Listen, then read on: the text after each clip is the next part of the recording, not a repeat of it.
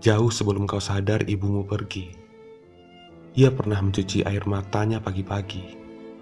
Ketika langit mengarak matahari dan ibumu baru selesai menanak nasi. Sementara kau masih mekar di atas bunga tidurmu, dan tidur ibumu tak pernah lebih panjang dari ukuran ranjangmu.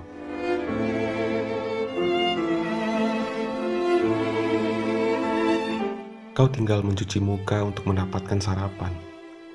Sementara ibumu cukup menambah luka dengan melihat kau bahagia kekenyangan. Seperti air bekas cucian yang lembab menguap dari pakaian. Menyisakan harum sabun cuci walau ia harus mati di hadapan terik matahari. Hanya untuk bisa kau kotori sekali lagi.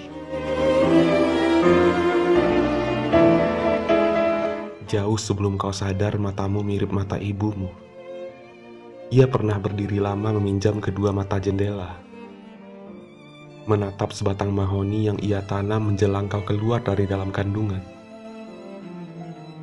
Ya, mahoni itu saudara kembarmu. Yang membedakan, mahoni itu tidak pernah tahu cara menyakiti ibumu.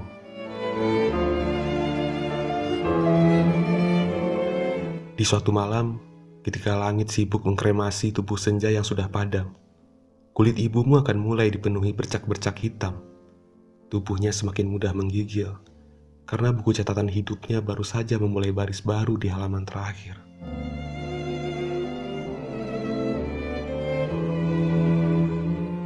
Kau akhirnya sadar ibumu telah pergi ketika kau baru saja belajar pengetahuan tentang caranya memiliki.